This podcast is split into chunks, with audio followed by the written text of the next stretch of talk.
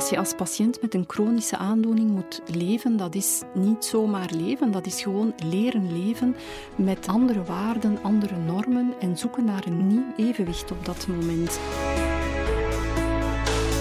Er bestaan vele chronische ziektes. In het eerste seizoen van deze podcast hebben we het uitgebreid gehad over reumatologische aandoeningen.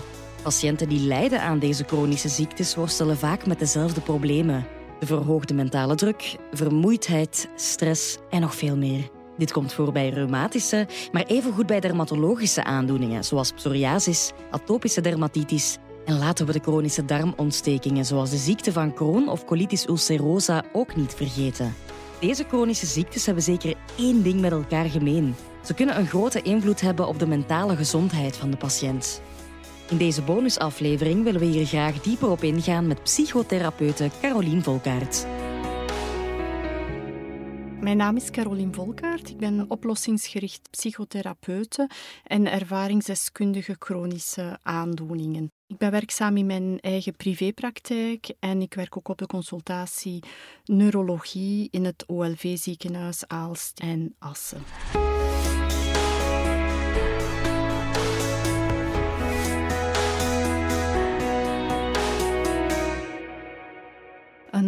Chronische ziekte mag je niet vergeten dat dat een enorme mentale druk gaat geven.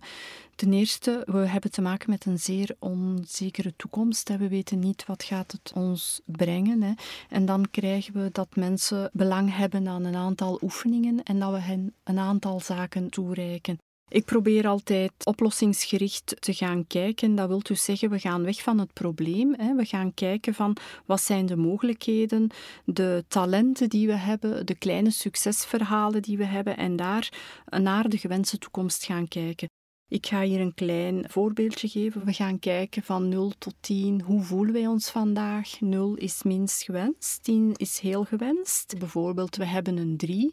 Mensen kijken dan heel negatief. Oei, een 3, dan probeer ik te kijken. Oh, heel goed, je hebt al een 3. Dus we gaan onze mindset op een positieve manier gaan benaderen. Dan zeg ik oké, een 3, maar je bent opgestaan, je bent naar de consultatie gekomen en op die manier zie je dat mensen uit die uitzichtloosheid geraken. Ik adviseer ook mensen altijd een dagboek daarbij te hanteren, dus waar ze gedurende acht weken dat neerschrijven.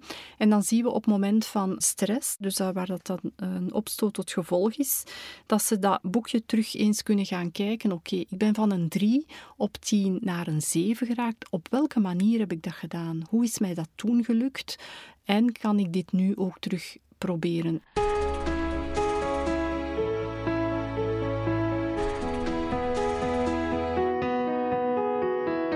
Als we een slechte dag hebben, dan moeten we altijd positief gaan kijken van oké, vandaag is een slechte dag, ik ga dat aanvaarden en ik ga proberen om enkel de dingen te doen waar ik nu momenteel zin in heb. Dus mogen doen in de plaats van moeten doen.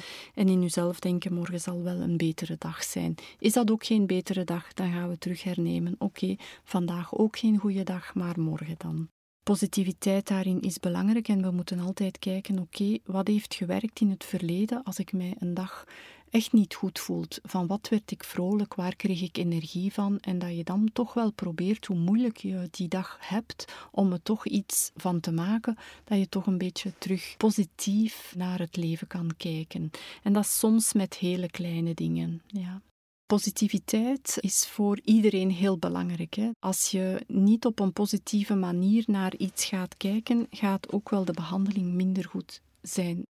Stress is een hele belangrijke factor om onder controle te houden. Vandaar dat wij altijd werken met ademhalingsoefeningen. Want als we uh, heel onderhevig zijn aan stress, zien we bij sommige chronische aandoeningen dat we op dat moment een opstoot gaan krijgen.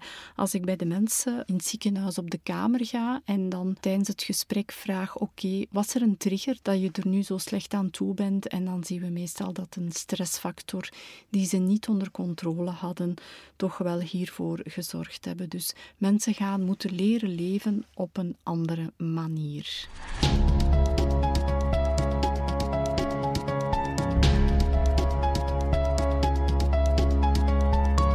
We mogen ook niet vergeten dat een chronische ziekte heel wat vermoeidheid kan meebrengen. Sommige vermoeidheid is natuurlijk eigen aan het feit dat je ziek bent. We zijn heel moe. Wat adviseren wij dan aan mensen? Probeer je dag in te delen. Wat mensen heel dikwijls doen, en dat is een leerproces, dat is trial and error, zeg ik dan. En ook zo normaliseren van, dit is ook normaal. We hebben een goede dag en we doen veel te veel. En de dag nadien gaat niet, de dag nadien gaat het ook weer niet.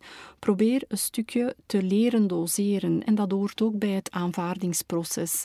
Ik denk dat dat ook normaal is, dat we momenten dat we veel energie hebben ook veel willen doen.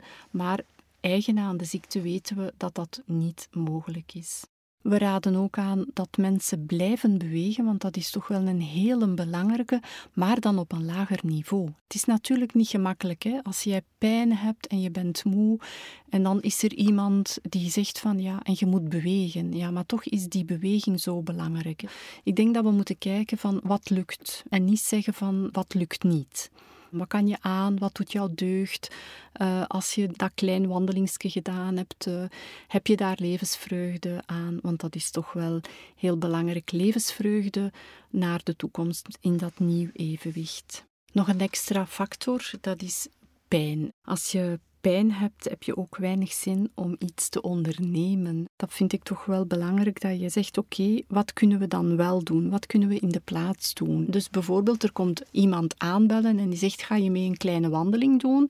En dan zeg je: ah nee, ik heb pijn. En dan kan je zeggen: van ja, ik ga dat toch wel doen. We gaan die pijn even gaan parkeren. En als je mensen daarin gemotiveerd krijgt om dat te doen, zien we dat dat ook wel werkt. Luister naar je lichaam en dat is en blijft een belangrijke.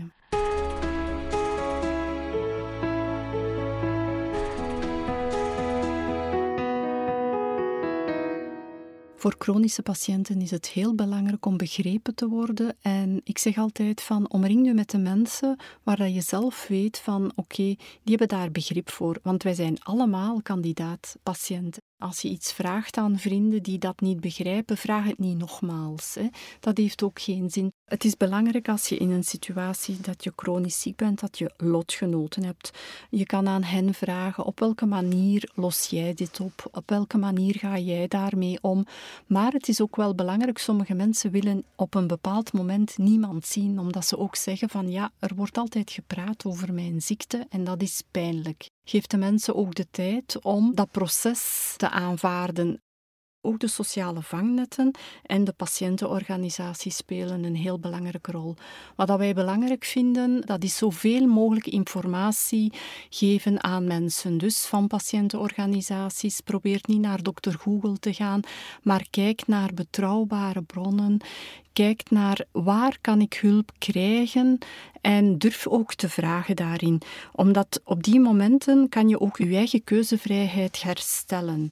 Vandaar dat het belangrijk is ook als hulpverlener, dus specialist, arts, verpleegkundige, om gewoon alles aan te reiken. Geef brochures mee, geef zoveel mogelijk mee, omdat je dan weer gaat naar die keuzevrijheid van mensen van hebben ze het nodig, dan weten ze oké, ik kan dat gebruiken. Ik kan nu naar lotgenoten, die zijn er, maar dat alles al klaar ligt voor het moment dat de mensen zelf daar ook wel klaar voor zijn. Het is heel belangrijk dat de mantelzorger ook mee opgenomen wordt in het zorgtraject. En sommige patiënten zeggen van mijn partner begrijpt niet dat ik moe ben. Mijn partner begrijpt niet dat ik ziek ben, dat ik pijn heb, dat ik een beperking heb. Of dan zeg ik oké, we zullen even bekijken met de specialist wat belangrijk is op dit moment dat je zou weten. En ook dat de mantelzorger weet dat hij ergens terecht kan. En ik ben heel blij de laatste jaren dat er meer en meer aandacht wordt besteed aan de mantelzorger.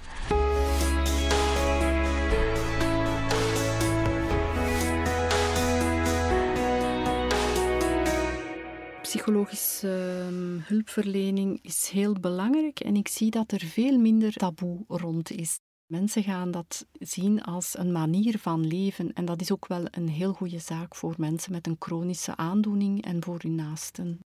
Het is zo, als we een diagnose krijgen, gaat er heel wat in ons hoofd om. En op dat moment is het toch wel heel belangrijk dat de specialist toch wel psychologische hulp kan aanbieden. Want we zien dat de artsen nu meer en meer oog daarvoor hebben, dat dat ook in hun opleiding meer aan bod komt, maar dat ze anders ook wel mensen in hun eigen team hebben waar ze patiënten onmiddellijk kunnen naar doorverwijzen en ook de personen kunnen stabiliseren. Hè. Mensen die heel actief geweest zijn, professioneel en in hun gezin en dan nog een keer sport. Wij staan daar eigenlijk dan ook op dat moment totaal niet bij stil en plots krijgen we een diagnose waardoor dat ons leven op een andere manier moet herbekeken worden. En dan valt het wel heel moeilijk. Hè. Het is heel belangrijk dat de band van de patiënt en de psychotherapeut, psycholoog heel goed klikt. Dat de specialist op dat moment toch wel samenwerkt met een aantal mensen, met coaches, psychologen, psychotherapeuten, waar je toch wel mentale hulp kan krijgen op dat moment. Hè. Psychologische hulp, een luisterend oor. Ik zeg altijd aan mensen, we zijn mensen onder elkaar en pas in de tweede plaats zijn wij therapeut. En alles kan ook besproken worden. Soms zijn er mensen die echt voor heel praktische zaken advies vragen. Het lijkt te simpel, maar toch is het voor hen een hele hulp. Dus iedere keer laagdrempelig als hulpverlener proberen te werken. En ook dat het klikt tussen mensen. Hoe dan ook bij een diagnose moeten we ook wel niet vergeten dat we een aantal fases moeten doorlopen. Je krijgt die diagnose. De meeste mensen zijn ook wel leek van wat houdt die ziekte in? Hoe, hoe, hoe moet het nu allemaal verder met mijn kinderen, met mijn partner, met mijn werk, mijn toekomst, mijn dromen? Dus we gaan op dat moment ook in een shockfase. In die shockfase is het heel belangrijk dat we weten, ook als naasten, dat we deze gevoelens gaan moeten normaliseren. Dus probeer je ook te omringen. Ben je in een shockfase, dan ben je totaal niet vatbaar voor de realiteit. Dus wat we dan best kunnen doen, is ons gewoon omringen met mensen en alle emoties toestaan op dat moment. Dus goede levenshygiëne, rust, gezonde voeding. Dat is eigenlijk het enige wat we op dat moment nodig hebben. We gaan dan niet kijken naar de toekomst.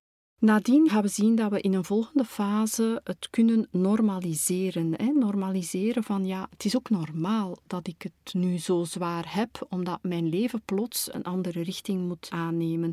En dat is mild zijn, want dat is wel belangrijk. We gaan kijken van oké, Welk zijn de activiteiten die wel nog lukken en waar hebben we nu nog levensvreugde aan? Dus zoals praten met lotgenoten, kleine dagelijkse activiteiten terug opnemen, eventueel hulp vragen, leren omgaan en ook dankbaarheid tonen. Hè.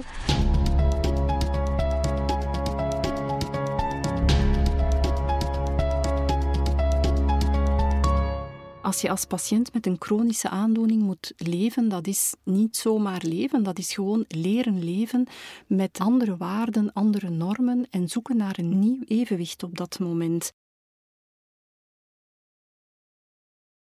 Ik denk dat heel belangrijk is dat je durft vragen. Normaliseren dat je het moeilijk hebt. Mild blijven voor jezelf. En dat is voor mij toch wel heel belangrijk, omdat je die keuzevrijheid verloren bent. Maar je kan dat herstellen door hulp te vragen. Chronische ziekten hebben een grote impact op het leven van patiënten. Als je zelf lijdt aan zo'n ziekte, weet je dat dit niet alleen invloed heeft op je lichaam, maar ook op je mentaal welzijn. Daarom is het des te belangrijk om je stem te laten horen tegenover jouw arts. Want de behandelingen blijven voortdurend evolueren en een brede aanpak kan jou en je familie vaak beter ondersteunen. Laten we er samen over blijven praten. Zit je zelf met donkere gedachten en zoek je hulp?